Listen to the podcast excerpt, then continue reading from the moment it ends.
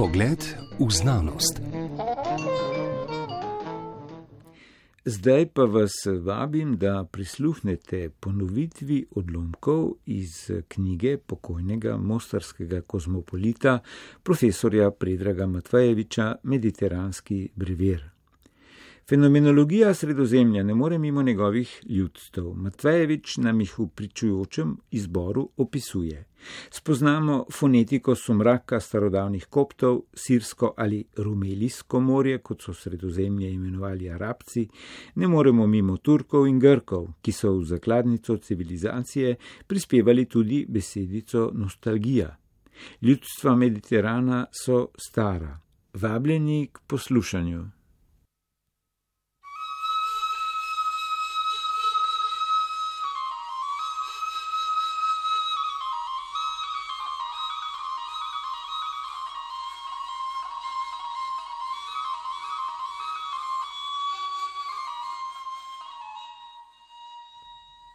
Nihče ne pozna vseh ljudstev, ki živijo ob Mediteranu in tudi sama se med sabo premalo poznajo. Včasih niti nismo gotovi o tem, kaj je ljudstvo: mesto ali dežela, narod ali država, eno ločeno od drugega ali oboje skupaj. Tukaj ne pišem zgodovine, ki je že napisana, in ne brskam po preteklosti, ki so jo raziskovali že drugi, rad bi samo prikazal navzočnost ljudstev na morju ali njihovo povezavo z morjem, ukolikor se to sme izuzemati iz zgodovine in iz preteklosti. Vrstni red je v takih primerih odvisen od mnogih stvari in v tem potopisu oziroma razpravi ne pomeni dajanja prednosti. Nekatera sredozemska ljudstva, zlasti tista manj znana, si zaslužijo več pozornosti, kot jim jo namenijo običajno. Vseh ne poznam. O vsakem v tem brevirju ne morem govoriti toliko, kolikor bi si zaslužilo. Na vseh obalah sredozemlja nisem bil.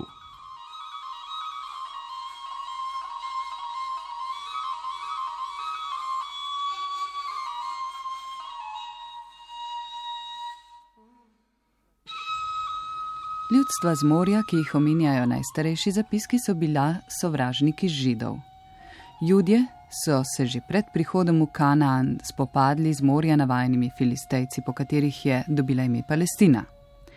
Sredozemlje so zato po njih imenovali Filistejsko morje. Židom se je zdelo veliko, rekli so mu veliko morje. Mrtvo morje, do katerega so imeli lažji dostop, je bilo preveč slano imenovali so ga slano ali grenko morje. Genezariško ali Galilejsko jezero, ki je nižje od morske gladine, skozi teče pitna voda reke Jordan, so imenovali Genezariško ali Galilejsko morje, pozneje tudi Tiberjatsko. Mogoče zato, ker jim je bolj ustrezala njegova velikost, ali pa sploh niso razlikovali med jezerom in morjem. Na njem so lovili več kot na velikem filistejskem morju. Mesija je povedal izbrano ljudstvo čez morje, ki se je odprlo. Hodili so po njegovem dnu, niso pluli po njem. Prerok Jona je plaval v ribjem trebuhu, ni plu.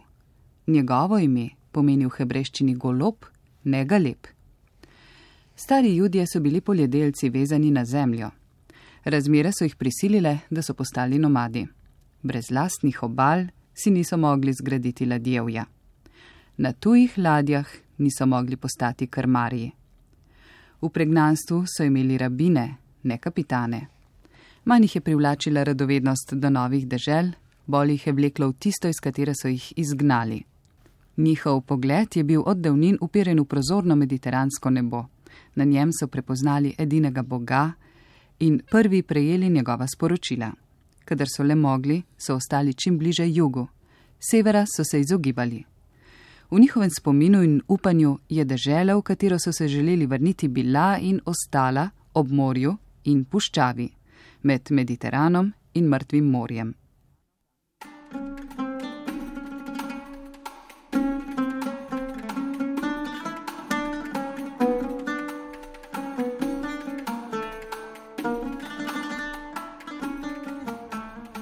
Za Arabce ne vemo, kakšne pomorske izkušnje so imeli pred prihodom na sredozemske obale.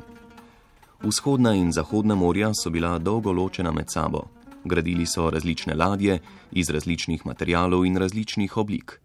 Arabci, v nasprotju z Grki in Rimljani, Mediterana niso imenovali za svoje morje, rekli so mu Sirsko ali Rumelijsko morje.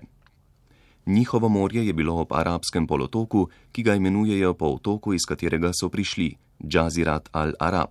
Tam je bil izvir ljudstva, tam je ostalo središče vere, tam je ostala opora spominu. Z Mediterana niso šli drugam, ker je bil že Mediteran za nje drugo morje. Dokazali so, da se lahko tudi na njem kosajo z drugimi. Niso prišli na Atlantski ocean kot njihovi iberijski tekmeci, tudi tudi Arabsko morje je del oceana, Indijskega. Zdi se, da ni mogoče pridobiti izkušenj z dveh oceanov, dokler se ne izčrpa moč naroda ali države, ustrajnost osvajalcev ali pomorščakov. Zdi se, da to uspeva le otoškim ljudstvom. Morje imajo okoli vseh strani, ne ve se, na kateri strani je rešitev.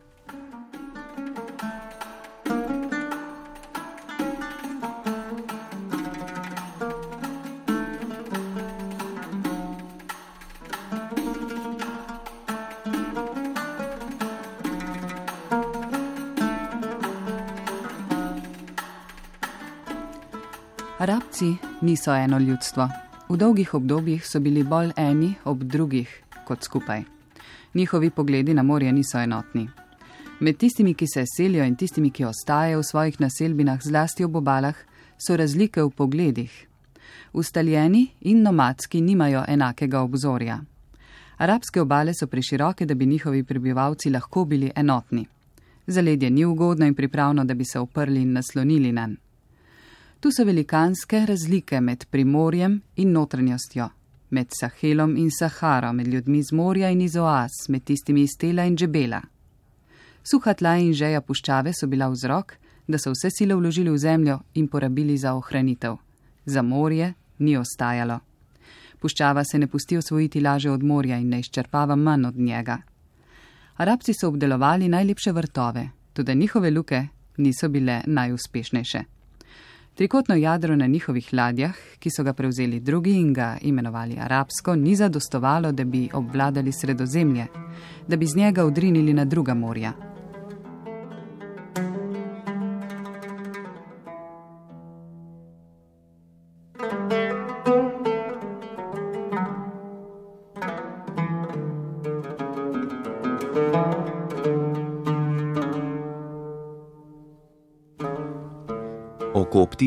Njihovi povezavi z morjem se le malo ve.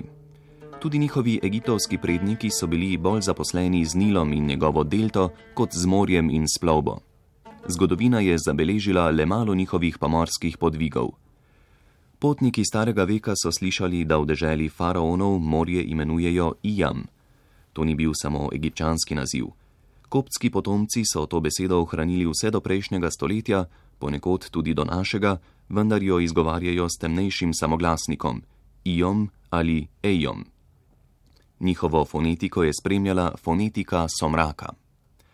Ob morju ni bilo mesta za nje, udirala so že omenjena ljudstva z morja in druga skopnega. Kopti so sprejeli novo vero in ji dali svoj pečat. Tudi vero so jim razglasili za odpadniško.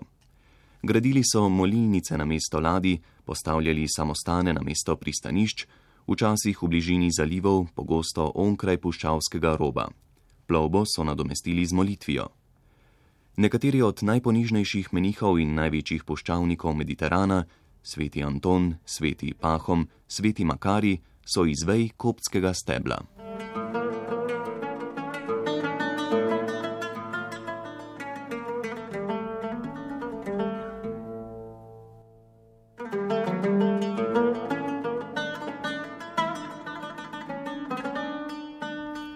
Tudi berbere so porinili z obale na plenote v hribe in puščavo, ponekod so se obdržali ob morju. Del njihovega narečja je ostal v zalivih, mnoge besede na otokih. Stari rokopisi trdijo, da so se morja bali bolj kot arabci. Kljub temu so ohranili lastne nazive za ladjo, jadro in za krmilo. Tudi za morje imajo lastno besedo ilel, za palmin plot pa tegla. Nikoli niso bili pomorsko ljudstvo in to tudi niso mogli postati. Nimajo svoje besede za veslo, imajo pa jo za držaj vesla. Bili so veslači na tujih galejah, krščanskih in muslimanskih. Nekateri so postali gusari, V tej pomorski obrti so bili znani po veščini in okrutnosti. Tudi drugi so bili okrutni do njih. Tisti del ozemlja, ki jim je pripadal, kot tudi tisti, ki si ga njihovi beduini delijo z drugimi, je bil med najmanj hvaležnimi. Vsa ljudstva Mediterana niso mogla postati sredozemska.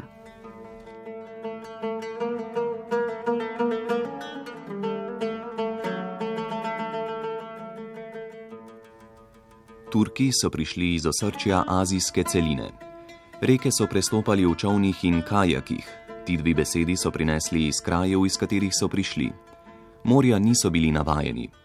Od Perzicev so si sposodili besedo derjasi in so ga tako imenovali. Svojo besedo denis so imeli za vse vode, slane in sladke. Uspešnejši so bili na kopnem, jahali so konje, ladi niso poznali.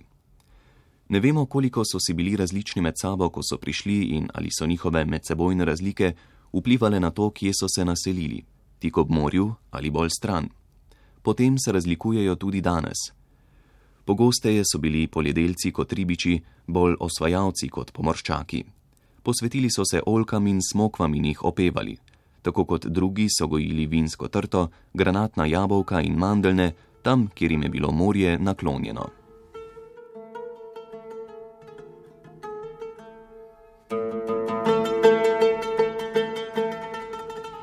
Sirijo sem videl le bežno, spotoma sem si ogledal tudi Libanon. Sirija je arabska, toda njena ljudstva in preteklost so pomešana. Dostop z morja je zaprl planinski venec Amsarije. Od treh rek, ki se izlivajo v Sirsko morje, arabci so tako imenovali ves Mediteran, le ena, Oron, domorodci jo imenujejo Nahr al-Asi, odpira širšo pot v notranjost. Na drugi strani gorske verige je globoko zaledje, Primorje in zaledje mejita na puščavo, leta je z njima povezana bolje, kot sta sami med sabo. Vse, kar ni puščava, deluje starinsko in spominja na preteklost.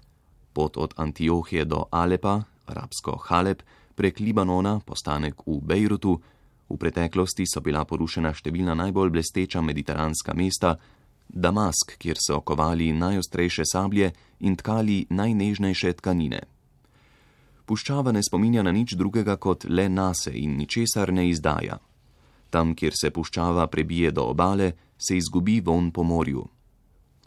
Ustavil sem se ob ustju Oronta, prepolnem trstike, močne skoraj da tako kot je tista ob Nilu. Postal sem ob Tel Kalaku in Tel Kazelu, kjer arheologi še iščejo potopljeno pristanišče, ki se je verjetno imenovalo Simira. Naziranje ljudi z obale in z bližnjih hribov z primorske ravnice in izpuščave, se tako kot v drugih podobnih krajih razlikujejo med seboj tudi v tem delu sredozemlja, v Siriji in Libanonu.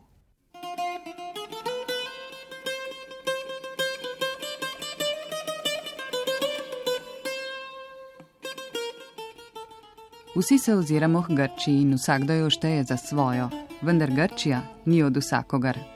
Grčija ni vsa ob morju, kot si jo mnogi predstavljajo. Tu so tudi gore in sneg na njih. Morje ji vpliva bregove in prodira v njih, vendar ne posod enako in ne na isti način.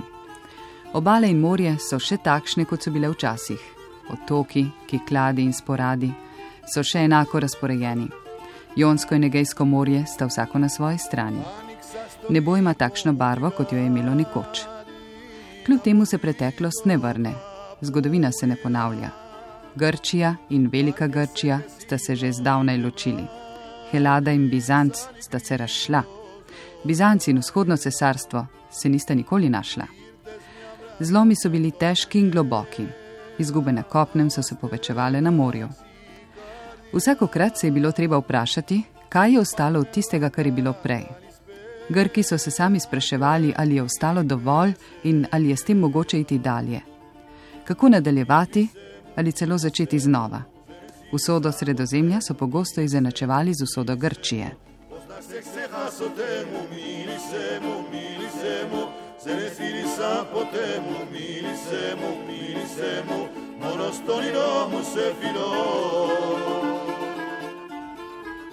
Mnoge pomembne stvari so nosile grška imena, stara in nova, vendar so pripadale drugim.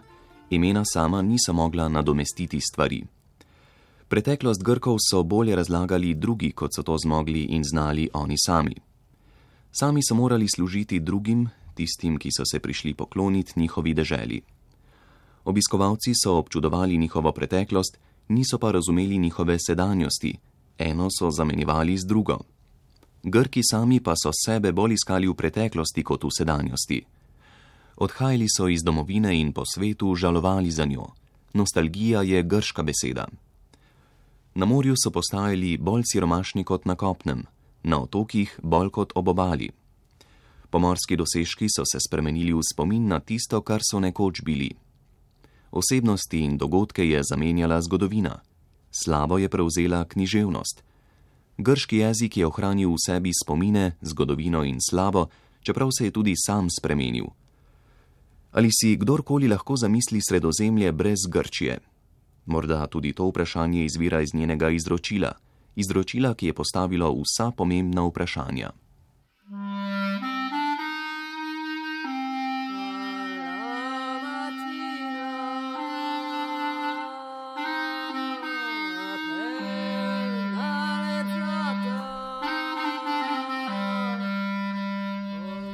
Italija ima svojo vzhodno in zahodno obalo, obe sta sredozemski. Tudi njo je delilo morje, vendar drugače kot dežele, ki so na notranjem in zunanjem morju. Italija je na obeh stranih istega morja. V različnih obdobjih je šlo bolje enkrat vzhodni, drugič zahodni strani Apeninov, druga drugi sta se zoprstavljali, gornje in spodnje morje, Mare Superum in Mare Inferum, Jadran ter Ligursko in Tirensko. Jug je bil nekoč močnejši in bolj odprt kot sever, leta dolgo ni mogel postati mediteranski. Na koncu je prevladal. Njuno zbliževanje je bolj spodbujala oskost ozemlja kot prostranost morja. Razdeljeni polotok ni zmogel združiti sredstev in sil za drage in daljne plovbe v novi svet. Tolažil se je s tem, da je dediščina sveta v njegovi preteklosti, na njem samem. Milo sredozemsko morje je pozibavalo takšne sanje.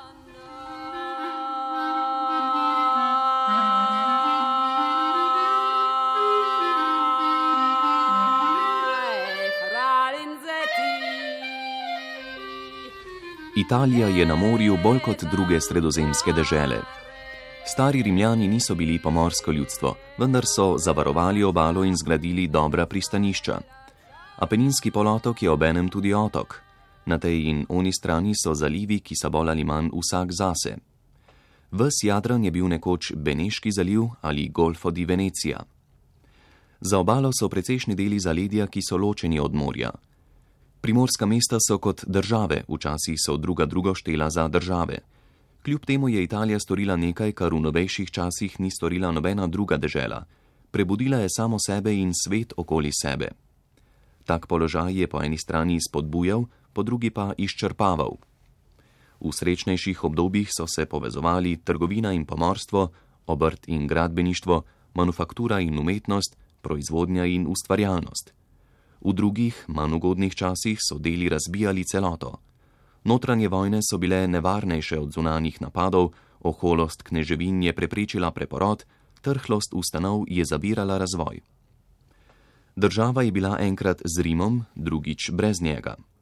Samo zadovoljstvo je povzročilo, da so prednost dobili drugi. Drugi so izumili tisk, izdelali močnejše in zanesljivejše ladje, odkrili Ameriko. Kolumb ni izplul iz rodne Dženove ob pomoči mestnih uprav ali svetega sedeža, temveč iz Palosa ob pomoči španskih kraljev, zediniteljev Španije. Latinsko jedro je bilo ugodno za plovbo po sredozemlju, ne pa za ocean.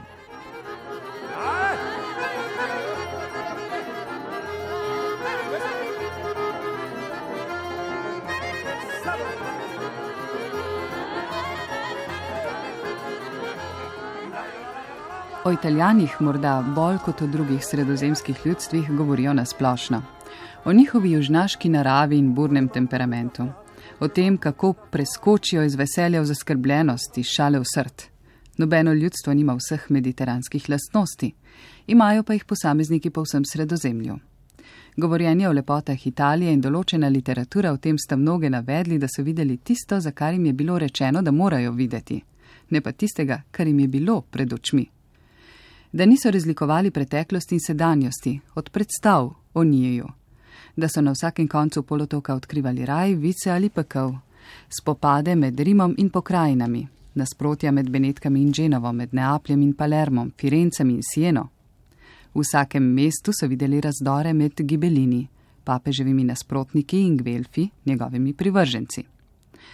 Za vsakimi mestnimi vrati kapulete in monteke, v vsakem dogajanju mafijo in kamoro, v vsakem gradu medičejce in borgice, v vseh kapelah ene in iste prelate in svetnike. Ne odkrivajte nam Mediterana, pravijo v nekaterih sredozemskih mestih tistim, ki govorijo o stvarih, ki so znane vsem.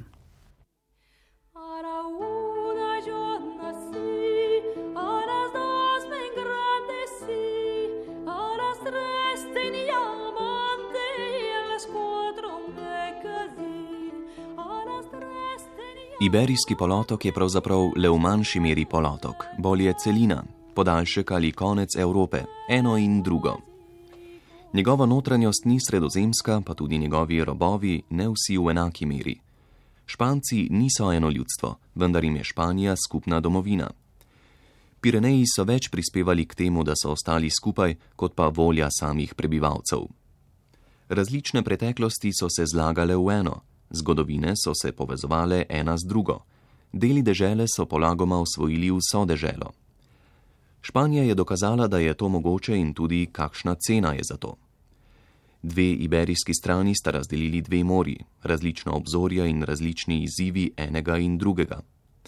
Na notranjem morju možnosti niso bile velike. Tekmeci za peninov so začeli prej in so bili bolje povezani med sabo, pa tudi njihove obale so bile ugodnejše. Atlantski ocean je bil dolgo neznan in je bil videti poguben.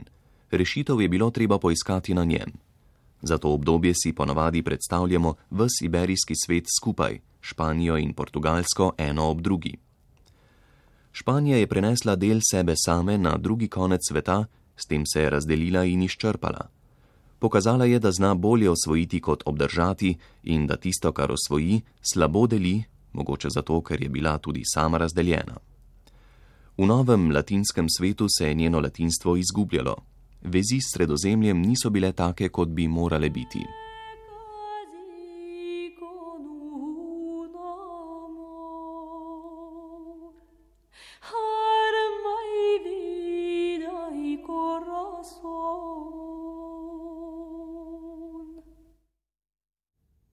V okviru poletnih ponovitev naših oddaj izpred uh, več desetletij, iz časa, ko še niso delovale internetne platforme, javne radio-televizije, ste slišali ponovitev odlomka iz knjige pokojnega Predraga Matvajeviča Mediteranski brevir. Uredniško smo ga naslovili takrat od koptske fonetike somraka do grške nostalgije. Besedilo je takrat iz hrvaščine prevedel Štefan Kutoš, brala sta Mojca Blažej Cirej in Boštjan Romih, za zvok pa sta poskrbela Franci Moder in Damjan Rostan. Odaje pripravljam in urejam Goran Tenze.